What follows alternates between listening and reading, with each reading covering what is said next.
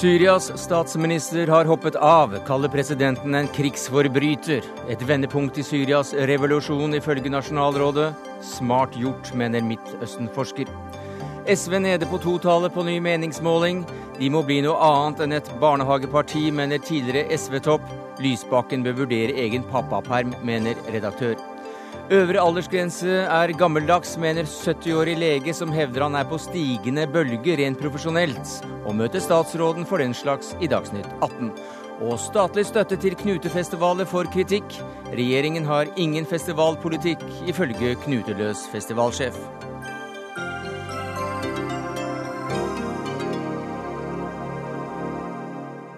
Ja, det er noen av sakene i Dagsnytt 18 denne mandagen, der vi også tar debatten om det bør bli forbud mot å tjene penger på velferdstjenester for private investorer. Og for siste nytt fra nysgjerrigperen på Mars. Men først til eh, Syria, der president Assad opplever at regjeringsmedlemmer eh, vender ham eh, ryggen. I dag kom meldingen om at statsministeren selv har takket for seg og dratt til nabolandet Jordan etter å ha erklært at Assad står bak massakrer, massedrap og krigsforbrytelser. Også to andre ministre og tre generaler skal ha hoppet av. Utenriksmedarbeider Sisse Wold, du har vært i Syria i dag. Hvordan reagerer syrere som du har truffet på dette? Ja, de var eh, kjempeglade, selvfølgelig. De første jeg traff, var de som jobber på den syriske siden av grensen. De har jo opprettet et, eh, et nytt eh, grensekontor da, der hvor tidligere FSA-soldater fra den opprørshæren nå fungerer som tollbetjenter. Så de var veldig veldig glad. De sier at dette er begynnelsen på slutten. De sier at nå er det mye lettere for andre som kanskje har sittet på gjerdet og hoppa, og de regner med at uh, mange kommer til å, å følge etter uh, statsministeren nå. Det håper de. Også opprørssoldater vi snakket med i dag, var veldig veldig glad og lettet over denne nyheten. Ja, Du fulgte jo selv den arabiske våren tett, der regimer falt uh, uventet raskt. Hva tror du om hastigheten på prosessen for Assads eventuelle fall etter dette? Jeg tror det kommer til å ta lengre tid her. Denne krigen er mye vanskeligere å kjempe enn den i Libya f.eks. For, eksempel, for der fikk jo opprørshæren luftstøtte fra Nato-land. Her får man ingen støtte. Man får ikke de våpnene man ønsker seg, nemlig sånne luft, nei, bakke-til-luftraketter. Eh, og så er det jo utsiktene etter Assads fall som er meget, meget uh, uklare. Vi ser at uh, mange av de uh, soldatene vi snakker med, de er religiøse. De er ikke islamister eh, som, eh, som av den typen Vesten frykter. Men det er jo veldig vanskelig å se at det skal bli noe orden etter mm. Assads. Det kommer til å ta lang tid, tror jeg. Statsministeren sendte altså ut følgende beskjed til verdenssamfunnet, sitat. Jeg erklærer min avhopping fra dette terrorregimet, og at jeg slutter meg til revolusjonen med frihet og verdighet som mål. Jeg erklærer at jeg fra i dag av er en soldat i denne velsignede revolusjonen. Frida Nome, Midtøsten-forsker og religionshistoriker ved Menighetsfakultetet. Hva leser du ut av dette? Eh, jeg uh, syns det ser ut som noen som forsøker å, å uh, forlate ansvar. altså At det, det, begynner å bli farligere å støtte og, og, være en del av regimet enn å hoppe av. Så man kan altså Selvfølgelig, jeg kan jo ikke vite hva hans reelle motiver er, men det kan nok være opportunister også blant avhopperne. At de har lenge hatt eh, masse privilegier og hatt eh, vanskelig for å gi slipp på dem. Nå ser de at eh, regimet kommer til å falle, og det er tryggere å hoppe av nå enn, enn å bli med i fallet. Hva, hva sier det da om, om situasjonen i, i regimet? Nei, det er noe, et, en svekket, veldig svekket politisk innerste sirkel. Selv om ikke statsministeren var av de innerste troverdige til presidenten, så er det et svekket mm. president man ser. Ja, for, for han eh, skal ha blitt eh, nesten tvunget på plass som statsminister i, i sommer? Ja, det, det, sier han i alle fall. Eh, det vet man jo heller ikke Nei. sannhetsgehalten i, selvfølgelig. Han har jo vært en del av regimet i mange år. Han har vært eh, guvernør eh, flere steder i landet og vært eh, jordbruksminister også tidligere. Men uh, han er uh, fra et område som heter Deir ez-Zor, som ligger litt nordøst i Syria, hvor opposisjonen og opprøret har stått veldig sterkt. Så det kan jo godt, hende at han, han, nå føler også presset veldig sterkt uh, fra hjemtrakter og Og, og at det er med i, i, grunnene til at han hopper av. Det rapporteres også om at ytterligere to ministre skal ha hoppet av mm. sammen med noen militære.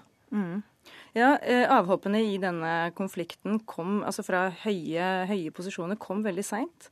Folk har sittet veldig lenge i posisjonene sine og nok trodd at Assad skulle klare å holde på makten.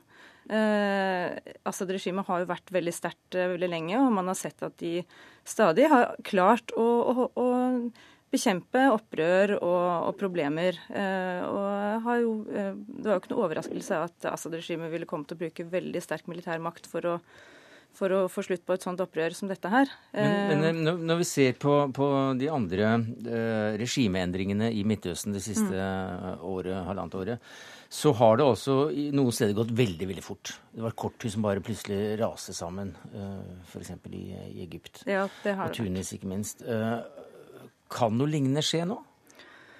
Jeg syns det er veldig vanskelig å spå. Jeg Har ikke lyst til å gi noen eh, antall dager eller uker på, på Assads fall. Men eh, han eh, kan ikke fortsette med makten i lang tid. Det kan godt fortsatt ta måneder, tror jeg. En, en, forskjell fra Egypt og Tunisia var at der skjedde det først. Der fikk de ingen tid til å forberede seg på at så sterk, et så sterkt folkeopprør skulle komme. Eh, nå har eh, syriske myndighetene hatt eh, si, lang tid til å venne seg til denne tanken. Selv om jeg tror de fortsatt virkelig tror på at de, de skal redde Syria fra opprørerne, som de kaller terrorister og allierte med, med utenlandske styrker. Vi hørte Sissel Wold si her at at det nok kommer til å, ta en eh, del mer tid. Mm. Eh, og at det, hva som skjer etterpå, det er, det er, ganske uvisst i den kaotiske situasjonen som er. Altså, det er ikke så entydig som, som i, i, i Libya. Det er en veldig uviss situasjon. og Jeg snakket nettopp med, med, med, folk i Damaskus i dag. og De beskriver det som at de er på vei inn i et svart hull. Eh, det er eh, veldig uklart, men, men, det som er klart for veldig mange, er at med de, våpen, eh, altså de, de, de store arsenal av våpen som, som, nå eksisterer også blant folk og over hele landet, gjør at det, det kan komme til å bli blodig lenge etter at Assad har forlatt maktposisjonen. Sissel Wold, du befinner deg i grenseområdet mellom Tyrkia og, og, Syria. Kan du beskrive den situasjonen som, som er der nå? Ja, eh, den syriske hæren har jo den tyrkiske, De tyrkiske myndighetene har jo sagt at de stenger grensene og at de har mer vakthold. Men eh, vi hadde jo ikke noe problem med å komme gjennom i dag. Og denne grensen er jo full av hull. Eh, det går jo folk frem og tilbake hele tiden. Eh, eh, men det mest interessante var jo denne grensestasjonen vi passerte der hvor eh, syriske myndigheter, de nye syriske myndighetene som det heter, de har satt opp sitt nye flagg og de har nye stempler. Og det er laget et offisielt, en offisiell ny grensepost der. Takk skal du ha, Sissel Wold, i grenseområdet mellom Tyrkia og Syria. Takk skal du ha, Frida Nome, Midtøsten-forsker og religionshistoriker. Så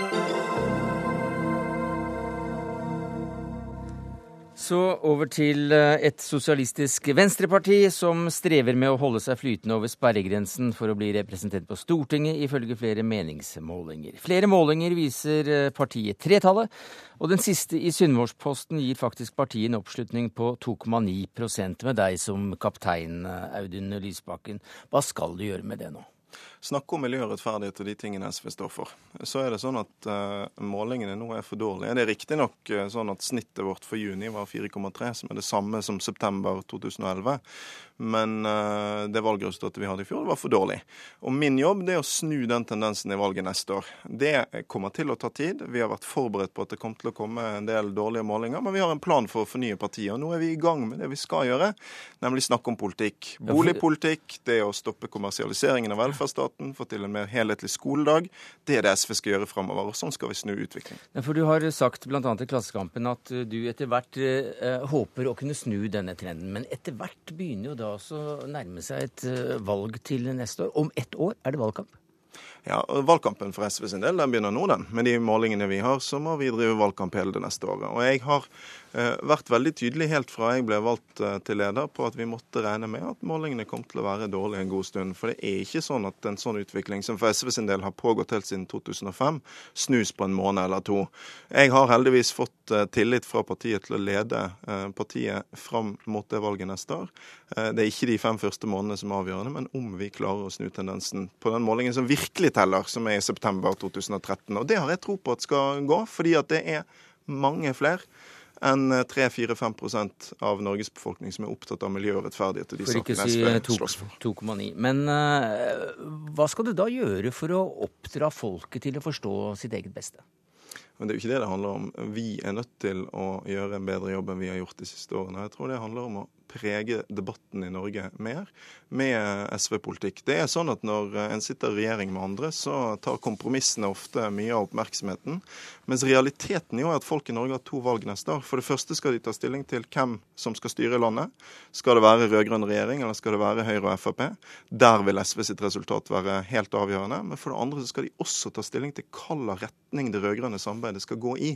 Og da er jo det å markere hva SV vil, som er forskjellig fra det Arbeiderpartiet vil, på mange områder viktig for oss. Og, da bør du helst inn på Stortinget, for å si det sånn. Ja, men derfor skal vi legge grunnlaget for at vi kan komme inn med en sterk gruppe Mm. på Stortinget, sånn at vi kan dra det rød-grønne samarbeidet i riktig retning. F.eks. For, for å få til en mer offensiv boligpolitikk, som jeg har snakket om de siste dagene. Men eh, som partileder så har du da feriert i noen uker, og vi leser at du snart skal ut i pappaperm. Og Magne Lerøe, redaktør i ukeavisen Ledelse, dette mener du er uheldig for partiet? Hvordan? Ja, jeg unner jo han pappa pappaperm. eh, Absolutt, jeg vil ikke kritisere han for det. Men det oppslaget han hadde i VG, der han nærmest fremstiller som om det er positivt både for han og partiet at han nå tar pappaperm, da synes jeg han går langt i å idealisere og harmonisere det problemet som det er for SV at de da får en periode hvor deres partileder vil være lite synlig. For Han legger også vekt på det at han, når han tar perm, så skal han ta 100 perm, da skal han ut av politikken. Jeg syns han skulle signalisert noe annet enn akkurat det. Fordi at når et parti eller en organisasjon eller en bedrift er i krisetid, da er det enormt viktig at lederen er på hugget hver eneste dag. Jeg tror nok at SV sine medlemmer og sympatisører tenker litt annerledes om det enn Magne Lerøe. Altså Den dagen det er sånn at eh, SV-medlemmer mener det er feil å ta pappaperm, da kan vi legge ned partiet. For vi er et parti for de som nettopp er opptatt av å slåss for at eh, menn skal ta like mye ansvar hjemme som kvinner. Eh, Og jeg syns det er rart at vi har den debatten i 2012, at vi ikke er kommet lenger enn at det fortsatt er en diskusjon om mannlige ledere også skal være hjemme med sine barn. Dette er et spørsmål om uh, uh, hvordan Jo, men- jeg skal organisere min familie. Jeg Ja, har, eh, har en sønn sønn på seks måneder, og det er ikke noe alternativ eh, å være Du har, du, har, eh, på jobb hele tiden. du har selvsagt full frihet til det, men du må ikke fremstille det som om dette er positivt for SV. At du tar permisjon. Det er Men det negativt har jeg jo heller aldri gjort. Uh, Jo, det er, det, er slik, det er slik du fremstiller dette her. Så oppslaget Det har, har du, gjort- og så Vanligvis holder du pri privatlivet utenfor, sier du. Nå har du gjort ett unntak i i VG. Og der fremstiller du, der står du frem som en sånn idealpappa som tar lange ferier, og som stiller krav til SV om at du vil være pappa helt og fullt og ha korte arbeidsdager og fri i helgene. Så liksom De er ikke alltid forenlig med det ansvaret du Men har med partikrise. Men Magne, jeg skulle likt å se den kommentaren du hadde lagd. Hvis jeg som mer enn noen andre har bedt norske menn om å ta pappapermisjon, ikke hadde gjort det sjøl. Journalister pleier å være veldig opptatt av at det skal være sammenheng mellom liv og lære for politikere. Eh, Og nå er det litt sånn at du gjør det til et eh, problem, hvis det er sånn at jeg forsøker å leve sånn som jeg lærer. Jeg har jo aldri verken trodd eller sagt at jeg er noe spesielt god pappa, men jeg har bare sagt det at når jeg nå har permisjon, så kommer jeg til å prioritere det. Så er jeg selvfølgelig leder i SV hele tiden. Jeg, jeg jobber på kvelder, jeg holder på. Men med to barn så er det grenser for hvor synlig du f.eks. kan være når du er hjemme. Det, det, hadde ikke tror vært jeg mulig, det hadde ikke vært mulig for deg å si at du droppet pappapermen, fordi, nettopp fordi du er leder i SV. Men, du, men du, du bør gi uttrykk for at du forstår det dilemmaet sterkere enn du har gjort i de uttalelsene du har Men vi nå. Vi trenger vel rollefigurer? da? Jo, han er en glimrende rollefigur. Men Han fremstår som en idealpappa. Men for SV er det et problem at han blir lite synlig. Nå er det den andre permisjonen, og, og han har også vært lite synlig i sommer. Jeg syns flere av, S, eh, SVs politikere har vært lite synlige i sommer. De er nødt til å være på banen hele tiden. Men nå er det jo ikke- valgkampen er en gang, sier han, og Jo, ja, nå- bretter opp ermene og Ja, nå er han til stede en måned, og så skal han ha pepperperm. Det er en svakhet som han må forsøke å ta på alvor i forhold til partiet. Jeg, jeg, jeg sier ikke det at han, han, Mm. han foretar et galt valg, men jeg peker på det problemet som det kan bli ved SV. Mm. Det er det du prøver å antyde, og det tror jeg SV sine medlemmer og sympatisører får velge hva de syns om. Jeg har vært veldig tydelig fra før jeg ble eh, leder i partiet, at hvis SV ville ha meg som leder, så valgte de en småbarnspappa. Eh, og det innebærer en del ting. Heldigvis er SV et parti som syns at det er riktig at folk i min livssituasjon Men uh, da, ikke parti, da, hadde ikke, da, hadde ikke, partiet sitt totallet ennå i, i målingen. Men, men, hvis noen tror at det er fordi jeg har hatt pappaperm i noen mm. uker at vi har hatt en dårlig meningsmåling, så tror jeg de har et veldig enkelt syn både på norsk politikk og Hans Ebbing, du er tidligere medlem av sentralstyret i SV, og med din sans for Lysbakken så mener du at SV må framstå som noe mer enn et barnehageparti. Men uh, hva mener du med det? Jeg mener med det at eh, partiet må i mye større grad ta og føle eh, politikken på pulsen. Jeg tenker på de sosiale og politiske motsetningene som ennå er i dette samfunnet. Tenk på den, eh, det tariffoppgjøret vi hadde i vår, f.eks. Partiet hadde jo da ingen strategi for å møte den situasjonen som oppsto. Vi hadde konflikt mellom bønder og regjering. Vi hadde et konfliktfylt uh, tariffoppgjør. Og uh, til slutt ble det kronet med en lockout fra arbeidsgiversiden i oljebransjen. Og som regjeringen da etterkom ved å ved å eh, gå til eh, tvungen lønnsnemnd, mm. slik at arbeidskjøperne på, i oljebransjen fikk sitt ønske oppfylt i kampen mot de ansatte. Så, så, ditt, eh, så ditt, råd til, til, sjefen her, det er da? Og da skulle, da skulle vi ha hatt en ledelse i SV som uh, tok uh, tydelig stilling i den saken. Hva sier, som, du, hva sier, du, til disse sakene, altså mer på banen når det gjelder uh, realpolitikken, uh, og ikke minst når det gjelder klasseskillene eller kampen kampene i arbeidslivet? Men det er jeg helt enig med Hans i. Ja.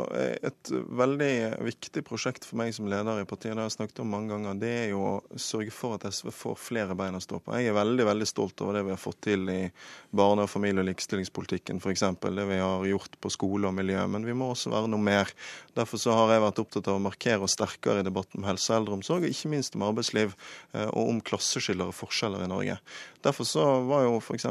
det første som jeg satte på dagsordenen nå etter sommeren, Spørsmålet om hvorvidt vi skal sette foten ned for kommersielle krefter i den norske velferdsstaten, fordi det vil føre til et større mm. klasseskille. Og det skal vi komme derfor, og Derfor har SV også vært veldig kritisk til uh, den bruken av tvungen lønnsnemnd som regjeringen kom med i sommer, som er ett eksempel på de politiske forskjellene mellom SV og Arbeiderpartiet, mm. og hvorfor styrkeforholdet mellom SV og Arbeiderpartiet har mye å si i det valget som kommer. Ebbing. Jeg mener jo det at partiet er inne i en eh, bakevje, og det må lære seg til å gripe inn i de motsetningene som er i samfunnet. Slik som utviklingen har vært og ser ut til å bli, så er det ikke mulig for SV å fremstå som noe klart selvstendig alternativ, så lenge det lar seg binde opp av den posisjonen som det har i regjeringen. Altså Partiets problem er jo at regjeringsdeltakelsen har på en måte eliminert det som et mm. selvstendig og klart alternativ. Og uh, Paradokset er jo at uh, den rød-grønne alliansen kan bare fornyes ved at uh, venstresiden i denne alliansen fremstår på en mye mer selvstendig og kraftig måte enn det mm. SV har gjort. Og da må SV på en tydeligere måte gripe inn i f.eks. saker av den typen vi har hatt, med lockout og mm. streik. Vi skal komme tilbake til eh, det, eh, Ebbing. Takk for at du var med oss når vi får inn kommentatorer. Men eh, til slutt i denne omgangen med deg, Lysbakken. Hvor, hvor lenge skal du ta pappaperm? Jeg skal ta de ukene som jeg har vært opptatt av at vi alle som fedre skal ta. Jeg har hatt nå åtte uker i sommer. En del perm, litt ferie. Og så skal jeg ha fire uker til i september, og så har jeg en del uker som jeg har utsatt til seinere. Og det er jo en selvfølge, mener jeg, i 2012 at også mm. menn med lederjobber skal være hjemme. jeg har en fått... kone som jobber, jeg har, eh, jeg har, barn som ikke er i barnehagen i sommer. Sånn må det være. Og jeg er veldig glad for at jeg lever i et samfunn der det er aksept hos de aller, aller fleste for at det også skal gjelde eh, en mann som er. Mens vi er glad for at det er noen som eh, setter dette også på dagsordenen, og debatterer det. Og det var deg, Magne Lere, som redaktør i Ukeavisen Ledelse. Takk skal du ha. Audun Lysbakken, du kommer sterkere tilbake etter at vi har fått inn et par kommentatorer. Og den ene er da Hege Ulstein, kommentator i Dagsavisen, som i dag har snakket om en hengemyr. og hvordan, hvordan vil du beskrive den hengemyra da som, som SV befinner seg i? Altså, det er jo den samme situasjonen vi har nå som vi har hatt siden 2005, og egentlig lenge før 2005 også. Litt verre, vel? Eh, du tenker på den ene målinga?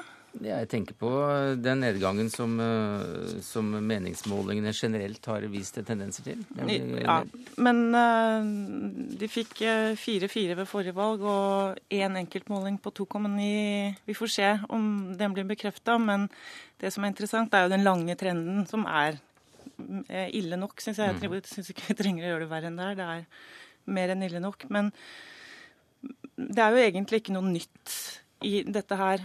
Eh, det er det samme vi ser, tror jeg. Det er at SV sitter og samarbeider med eh, hovedkonkurrenten sin i norsk politikk. Og det, er, eh, det skaper noen paradokser, noen dilemmaer som, de, som, det er veldig vanskelig å peke på noen enkel løsning på, som SV heller ikke har klart å løse. Men uh, hva slags uh, situasjon altså, Det er ett år til, til, valget. Ja, det er dramatisk. Det er veldig dramatisk for SV. For det første at de har en partileder som ikke sitter i regjeringen, og for det andre at de risikerer, uh, hvis dette her holder seg, å komme inn med, med én på Stortinget.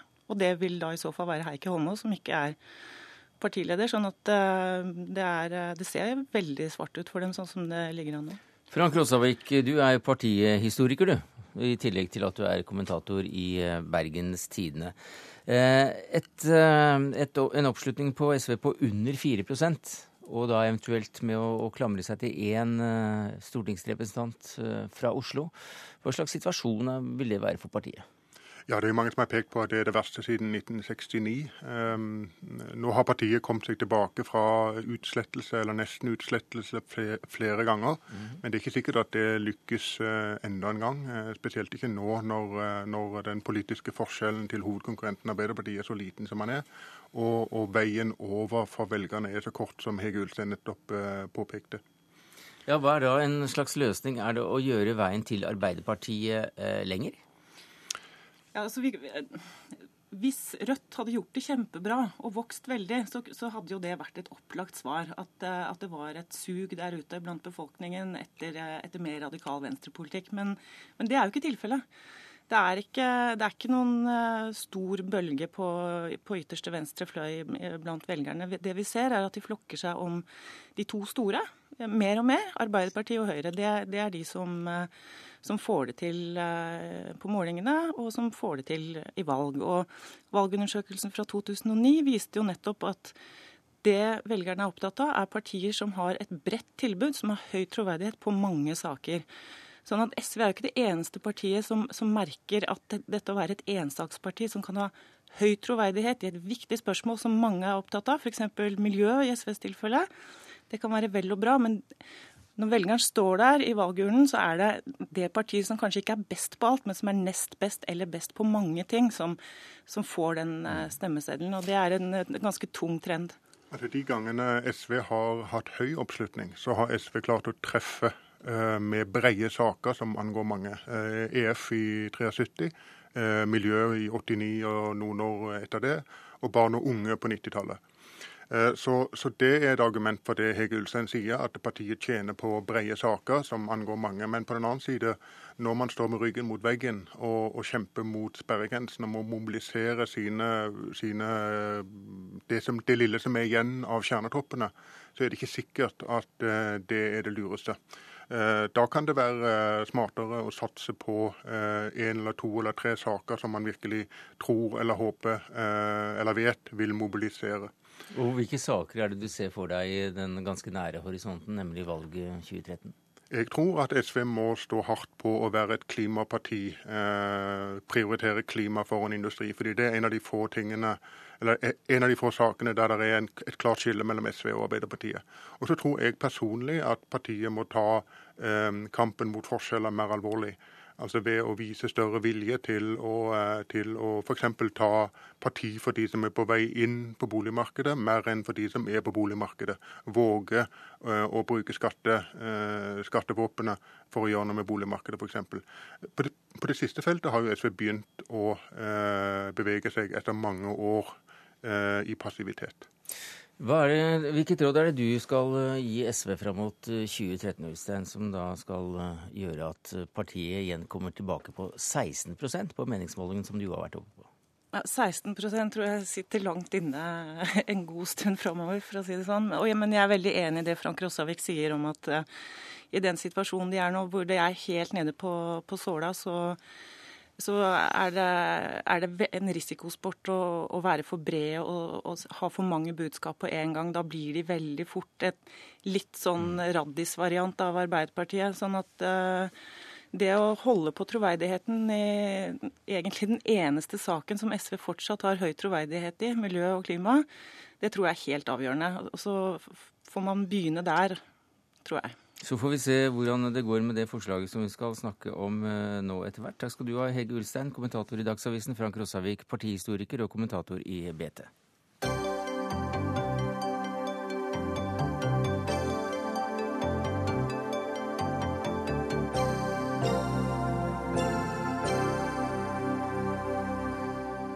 Ja, Du blir altså oppfordret til å satse på én eller to kjernesaker, komme med konkrete forslag for å få partiet opp fra nedrykkerposisjonen Audun Lysbakken i sommer. Har du kommet med et slik konkret forslag som du var så vidt innom sist gang du var innom her?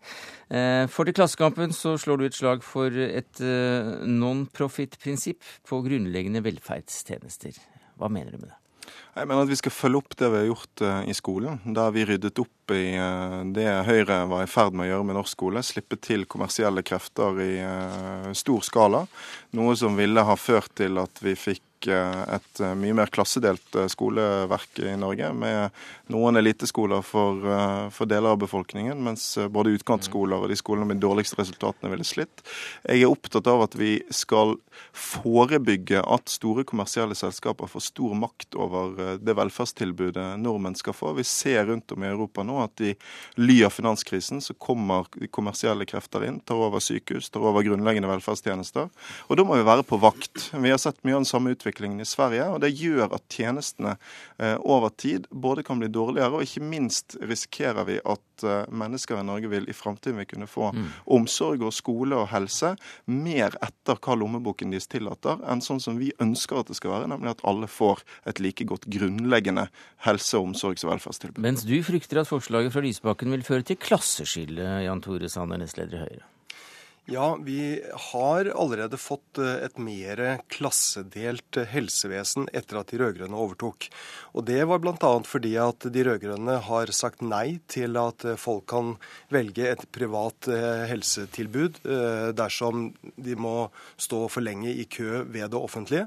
Og vi har fått en eksplosjon i, i såkalte helseforsikringer etter at de rød-grønne overtok. Og vi ser at de som kan betale for seg, tegner en helseforsikring for å gå rundt, rundt rundt køen.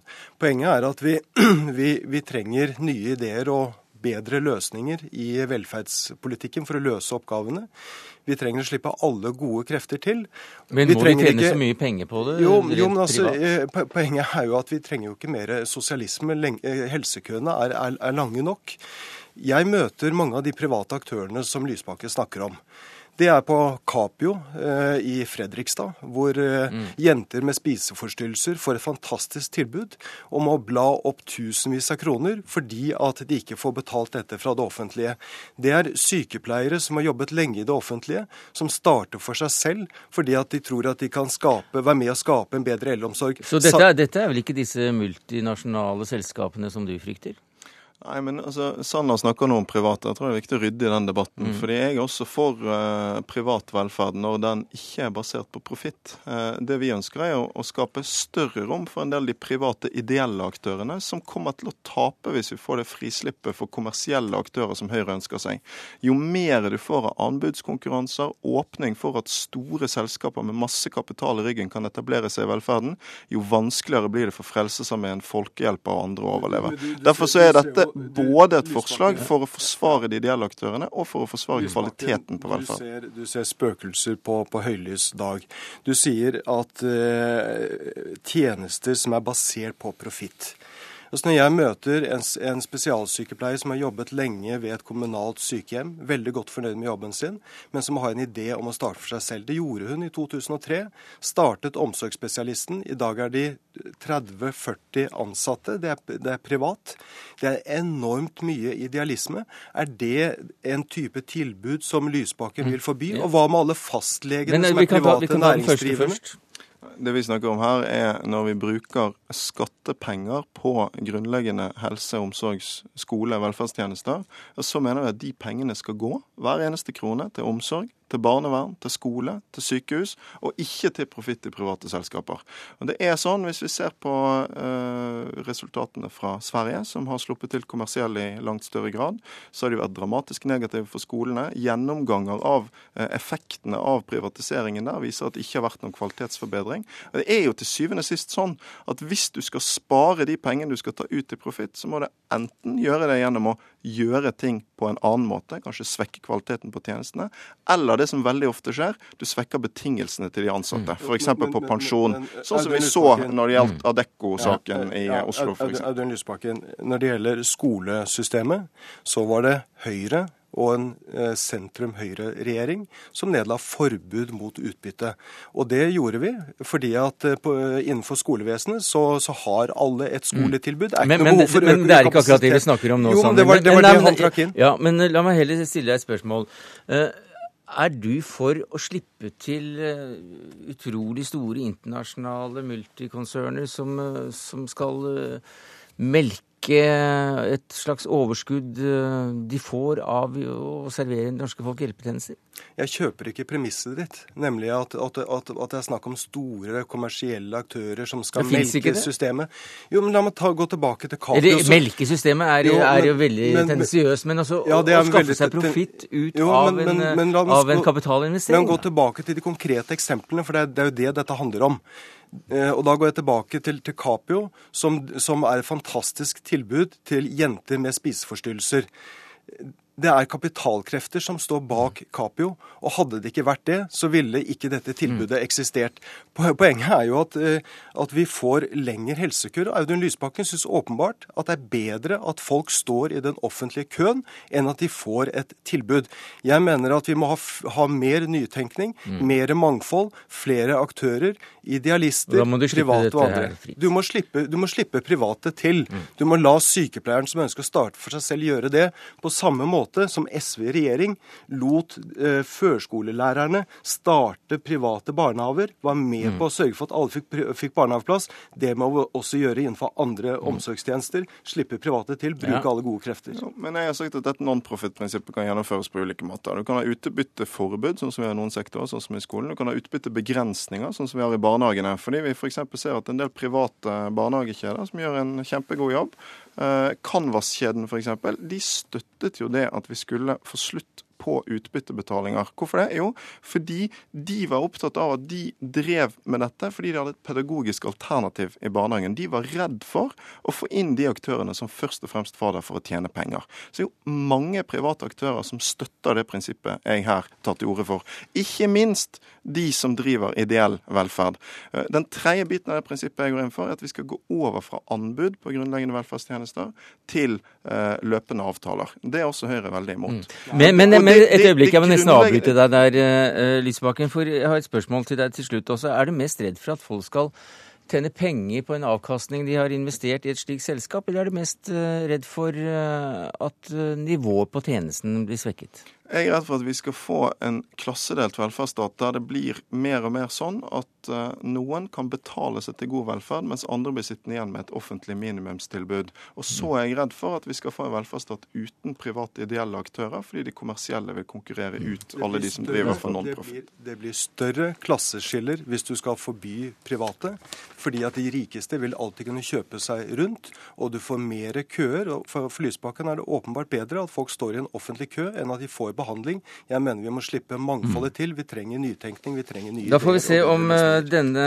tanken som er strødd eh, fra Audun Lysbakkens hånd, eh, er egnet til å få partiet opp på meningsmålingene. Takk skal du ha, Audun Lysbakken, leder i SV, og til Jan Tore Sanner, nestleder i Høyre.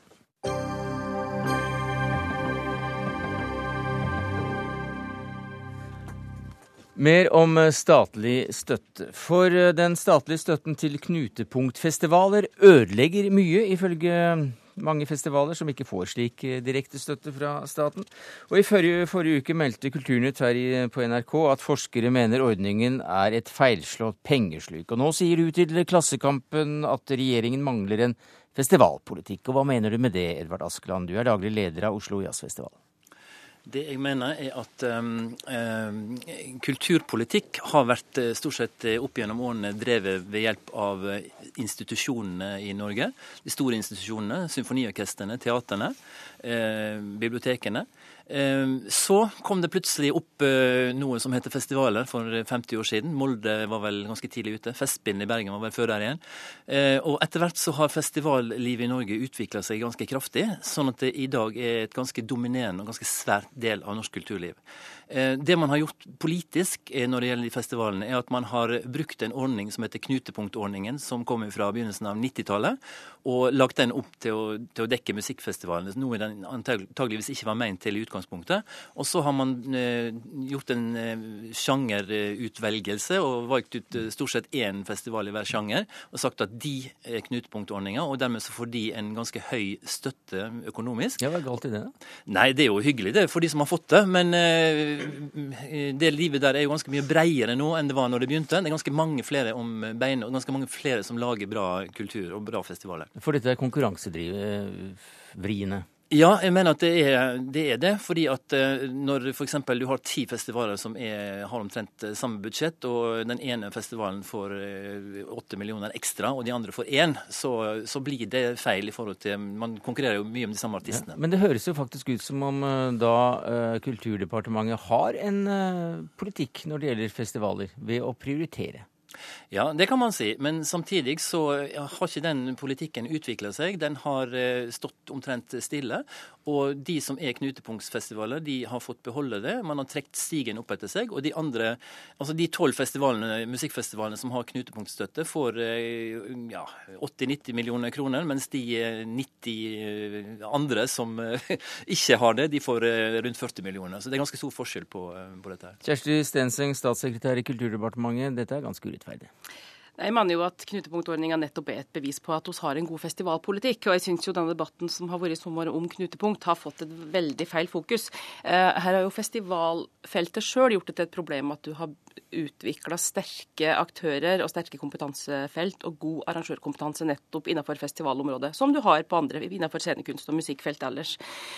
Så det forundrer meg litt at det er festivalfeltet sjøl som går ut og kritiserer at du har fått en forutsigbarhet, og at du har fått at at festivaler har blitt en så stor del av kulturbudsjettet. Ja, er det det? Altså, dere har fått samlet masse mer, mye mer penger.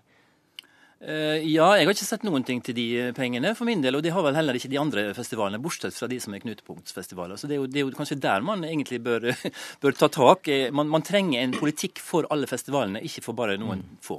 Ja, og det er jo nettopp der jeg mener festivalene bør bruke ressursene sine på å se på hvordan du kan styrke festivalstøtteordninga og forutsigbarheten for alle festivalene. For det er jo slik at festivalstøtteordninga i Kulturrådet, der de fleste får støtta si, det er jo et fåtall som får over statsbudsjettet, den har jo hatt en økning på 80% siden 2005. Så det er jo ikke riktig som Askeland sier her, at, eh, at de pengene ikke har kommet. Den har hatt en økning på 80 eh, Men det er jo fortsatt slik at flertallet av norske festivaler får ikke støtte. Det er jo like urettferdig at, at Oslo Jazzfestival får festivalstøtte over Kulturrådet, som at andre festivaler ikke får noe i det hele tatt. Eh, så mitt spørsmål er, hvis ordninga ikke fungerer i dag, betyr det da at du skal smørje tynt utover at absolutt alle festivaler i Norge skal ha like mye støtte? Ja, er det ikke viktig å bygge ja. noen sterke aktører òg på festivalfeltet? Men det må jeg få svar på. Ja, jeg, jeg syns at det blir litt søkt å tenke sånn. for at det, det, som vi etterlyser, det er jo en helhetlig politikk. Det er jo ikke bare det at man, man skal gi støtte til, til 10-12 stykker, og så skal 100, 100, gå med nesten ingenting.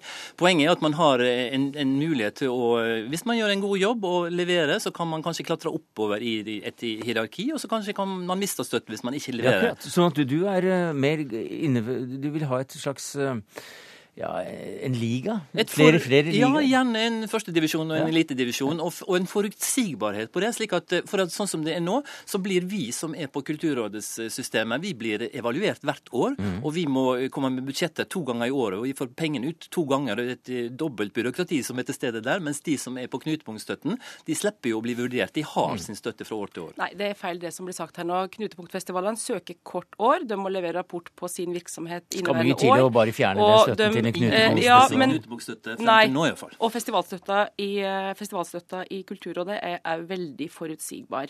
Eh, Det er ikke mange festivaler der som, det er mange festivaler som har en million og mer, og den er òg veldig forutsigbar. Men det som er interessant å diskutere her, er jo nettopp å få en mer forutsigbar og helhetlig festivalordning for hele feltet. Vi har Knutepunkt, som du kan si er øverste divisjon, og så har du dem som ligger inne i festivalstøtteordninga nå, og så har du veldig mange festivaler som ikke har støtte.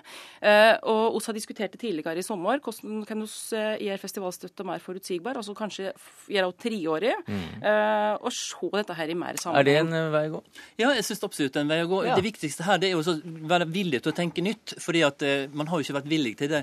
Eh, det har jo, man har jo et system sånn som heter knutepunkt, og så har man eh, ikke vært villig til å gjøre noe innimellom. Og når det gjelder de, alle de støttesystemene i Kulturrådet, så er det jo ikke mulig Det har ikke vært mulig for oss å øke den støtten. Vi står på det samme. Det har vi gjort de siste tre årene. Men det er akkurat Oslo Jazzfestival som da åpner eh, neste uke, bare for å ha sagt det. Men Stenseng, eh, det har jo kommet kritikk, du har jo fått med deg det mer enn noen annen, mot den ene og den andre av de som liksom er i, under dine i, i, din favn av, av festivaler. Eh, en jazzfestival eh, på Mørekysten eh, har fått kritikk for ikke å være inklusiv når det gjelder å lære bort triksa.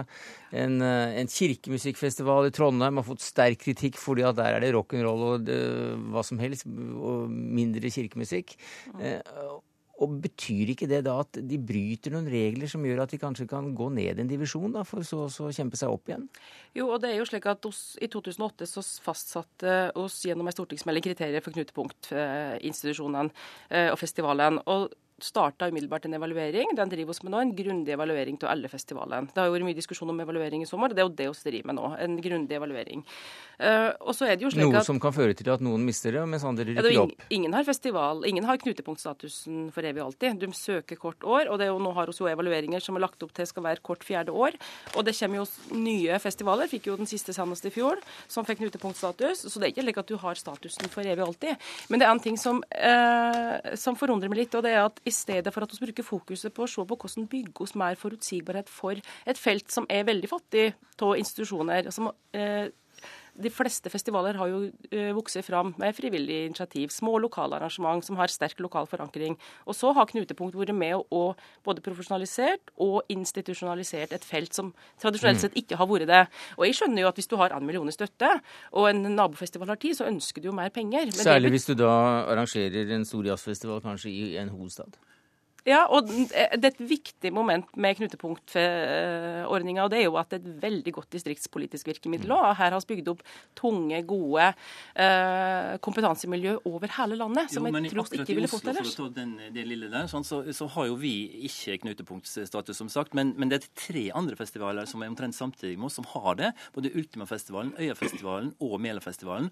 Og, og vi, vi er jo helt ganske kritisk til, til den sjangertenkningen som ligger bak knutepunktet òg. For det, det er man ikke villig til å diskutere. Nå har man sagt at endelig så har man fått country på, på statsbudsjettet. Men det som ligger bak dette, her er en lang historie eh, i norsk musikkliv som gjelder hvordan, hvordan man skal akseptere forskjellig musikk. Og, og nå er vi heldigvis kommet så langt, jeg har jobba for det i alle år, får jeg si, med at man bryter ned de sjangergrensene, sånn at man skal få lov å kunne høre forskjellig musikk. Men fremdeles heter det i hvert fall Oslo Jazzfestival. Dere drar i gang det hele på neste mandag, altså om en eh, uke. Vi tjuvstarter i morgen med Tony Bennett, men ellers er det fra mandag, ja. Takk skal eh, du ha, Edvard Askeland, daglig leder av Oslo Jazzfestival, Kjersti Stenseng, statssekretær i Kulturdepartementet. Hør Dagsnytt 18 når du vil, på nettradio eller som podkast. nrk.no – dagsnytt 18.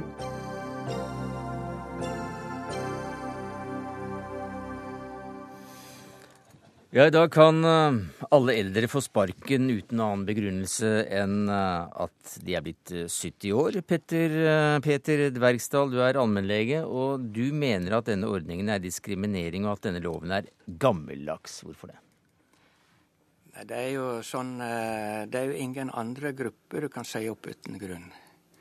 F.eks. Eh, hun er jo kvinne, og kvinner er jo mer sykmeldt i arbeidslivet. Så da kunne vi ha en regel der at hvis det kom en mann, så kunne en si opp en kvinne uten grunn, fordi at det var større sjanse for at de var mer i jobb, f.eks. Nå peker du på statsråden, som nok kan sies opp av helt andre grunner også. Men du Ja ja, hun er jo konkurranseutsatt. Men du sier altså i Dagens Næringsliv i dag at aldersgrensen er gammeldags, og at du selv opplever at du er på en stigende kurve som profesjonell lege.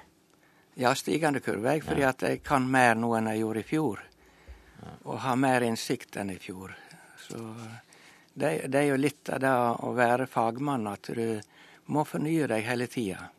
Hvis ikke du fornyer deg, så har ikke du noe å gjøre som fagmann, etter mitt syn. Men hva da med å trå til side for nye generasjoner? Ja, da er vi jo inne på det her med at eh, folk som lever i beskytta miljø, og det gjelder også i helsevesenet, de slutter å utvikle seg. Hvis de lever i en eh, f.eks.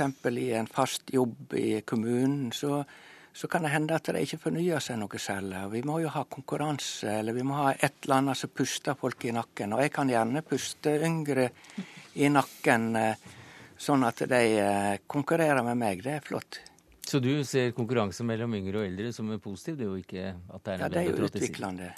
Det er jo utvikling vi skal ha i samfunnet. Vi skal ikke eh, mure dem inne i, eh, i regler og sånt.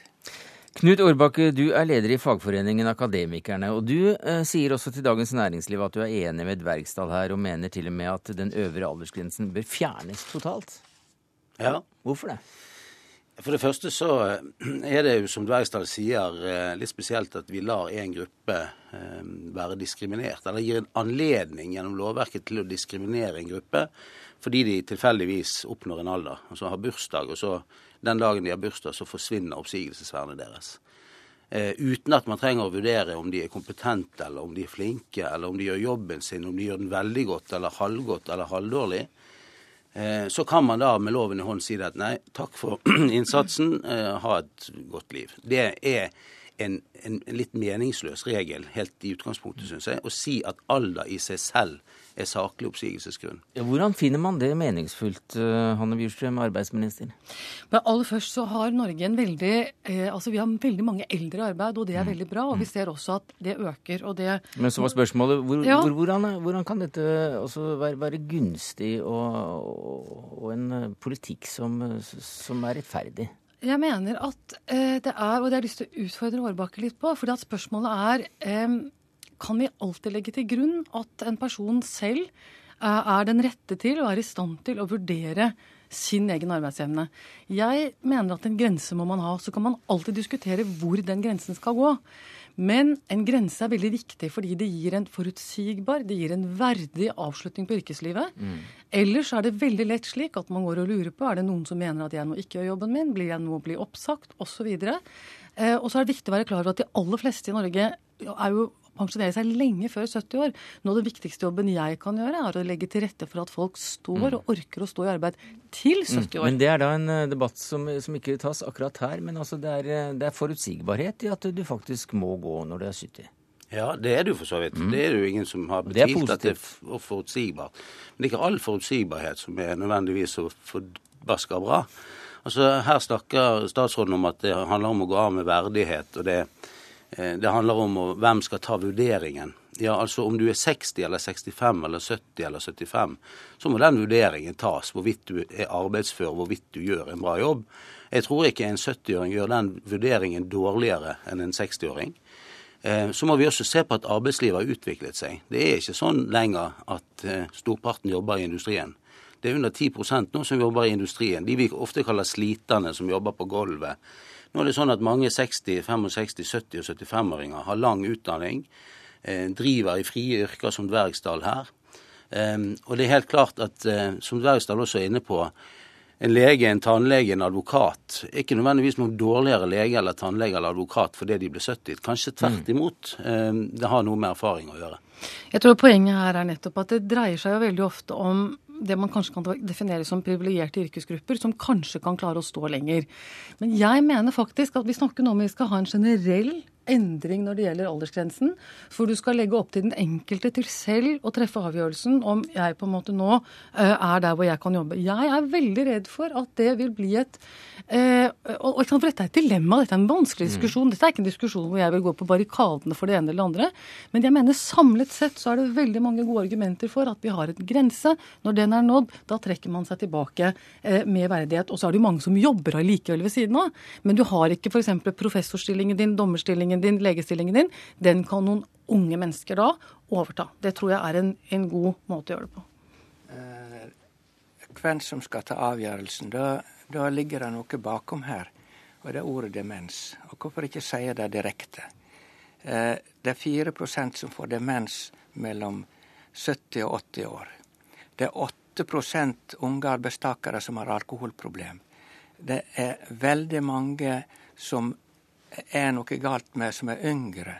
Hvorfor er det noe helt spesielt med de 4% av eldre med demens? Altså Jeg snakker ikke om folk som har demens. Jeg snakker om at man har et yrkesliv, og så kan det være veldig bra at man har rammer for det. Og så eh, er det ulike vurderinger av hvorvidt man gjør en god eller dårlig jobb. Eh, og man kan ha ulike vurderinger om man er effektiv, om man skal, hvorvidt man tilrettelegges godt for at man kan jobbe osv. Og, så og jeg, jeg, jeg, jeg, mener virkelig at eh, jeg tror det blir vanskeligere for eldre i arbeidslivet hvis man hele tiden utsettes for en vurdering av om man selv mm. må gjøre den vurderingen. Er jeg nå der hvor jeg må trekke meg tilbake?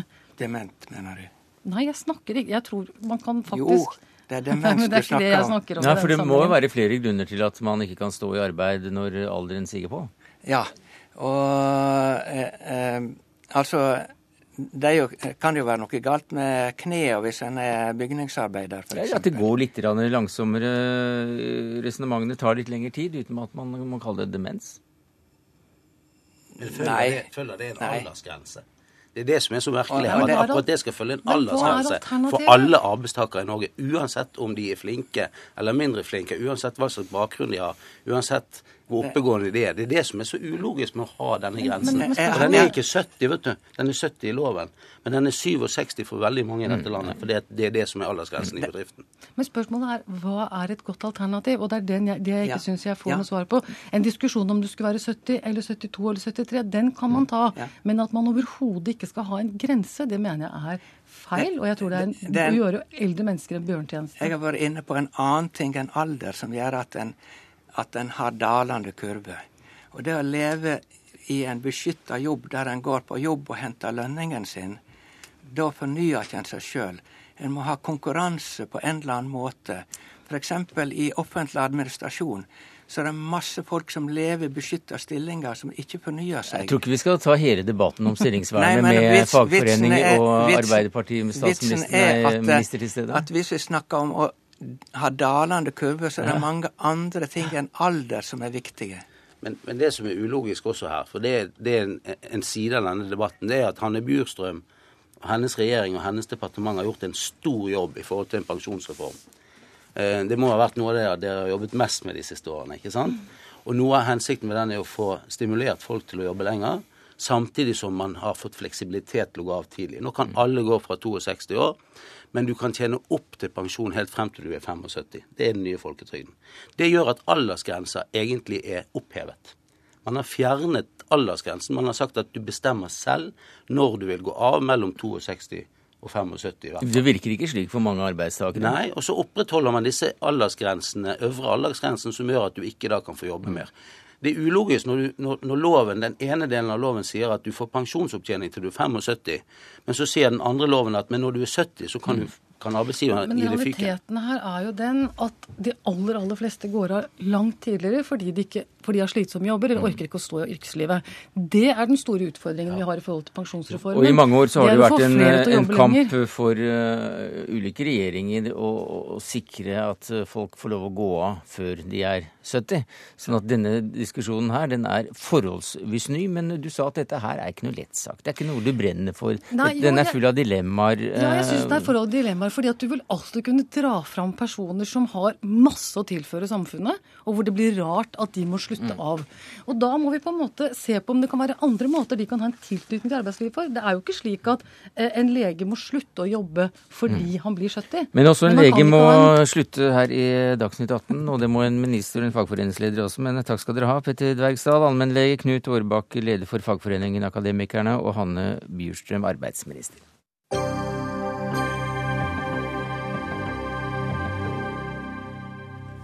For vi skal snakke om uh, noe som ikke har med denne verden å gjøre i det hele tatt. Landet, I dag så landet nemlig kjøretøyet Curiosity på planeten Mars. Og vi skal høre hvordan det var på kontoret til NASA i Los Angeles under landingen. UHF is good. Touchdown confirmed. We're safe on Mars. Ja, jubel på NASAs kontor i Los Angeles idet kjøretøy Curiosity lander på Mars i dag tidlig. Og kort tid senere fikk vi også de første bildene fra planeten. Bo Andersen, du er administrerende direktør for Norsk Romsenter. Og du hadde klikket deg inn på to ulike datamaskiner du for å følge med på dette i tilfelle den ene skulle kokse ut. Ja, altså dette er jo en stor begivenhet for uh, romfartsnerder som jeg er, da. Mm. Men uh, vi måtte følge med, fordi dette er uh, en ting som jeg var ganske skeptisk til uh, ville gå bra. Ja, mange var det. Ja, fordi det var såpass mye ny teknologi som skal prøves for første gang. Og da uh, vet man av erfaring at uh, det går ofte gærent. Og det var særlig landingsfasen som det har vært en del spekulasjoner på om kunne virkelig ja, altså nå landa man jo med automatisk landing på Mars i 1974. Mm. Så man har jo kunnet gjøre det før. Men her kom man inn med en fart på 6 km i sekundet, og så ble bremset opp og styrt aktivt før man fikk ut en fallskjerm som bremsa den lenger og lenger ned. Og så en 100 meter over så kasta man fallskjermen og starta motorer. Men for ikke å, å, rote til der man skulle lande, så firte man ned hele romfartøyet eh, fra en 25 meters høyde. Så det landa pent og fint på en flatt område som det skulle. Omtrent der det skulle. Ja, altså innafor noen få kilometer. Og hva skal de gjøre der? Ja, altså Vi har jo sett uh, bilder fra disse to mindre roverne som har vært der oppe. Og dem vil jeg heller definere som sånn uh, litt geologer. De leter etter uh, stein og ser på åssen det er blitt påvirka av vann. Curiosity er mer en litt mer avansert kjemisk laboratorium som da skal finne ut av hva er det det her består av i mm. detalj. Så når du treffer en marsboer, så kan det si noe om biologien? Ja, altså jeg tviler på at de treffer så mange marsboere. Jeg skrev et brev til, gratulasjonsbrev til sjefen i NASA i dag. Mm. Og da skrev jeg som at uh, det vi kan lære mye om med det her, det er sannsynligvis hvordan har klimavariasjonene på Mars vært. Ja. Og fra langt tilbake og så framover. Og så, hvis vi har flaks, så kanskje vi finner et uh, fossil av noe. Hvor mye flaks skal du ha da? For altså, dette, dette, er jo ikke noe annet enn et kjøretøy, avansert kjøretøy, som tar prøver fra er det 15-18 eh, ulike 15-18 eh, ulike metoder, eh, instrumenter. Så hvor flaks skal man ha? Ja, altså jeg, jeg, tror ikke man kan gå ut og lete etter noe her. Så, ikke noe? Jo, Man kan lete etter strukturer. Man kan lete etter ting som er hvordan det ser ut, og ut fra hvordan ting er på jorda. Altså det naturlige å lete etter uh, avtrykk der hvor det har vært uh, overflømmelse. Mm. Om, om, det har vært vann der? Det har vært vann der, og om det kanskje har vært noe leirlag og sånt, så kan man gå dit og se. Men uh, jeg tviler veldig sterkt på at man vil se liv, rester av liv. Men jeg tror man kan få en veldig bra forståelse av hva er det som har skjedd der før. Hvorfor er dette så viktig, da? Ja, altså det, det, er jo absolutt eh, nysgjerrighetsdrevet forskning. Dette vil ikke skje på kommersielle grunner. 15 milliarder dollar? Nei, 15 milliarder kroner. Kroner, ok. Ja, Det er en liten faktor seks. Men, uh, men det er, uh, dette vil bare skje fordi at land mener at dette er viktig å vite.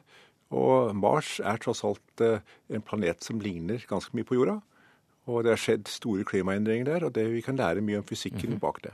Så vi kan lære litt om klimaendringer og hva som skjer? Ja, absolutt. Det kan vi.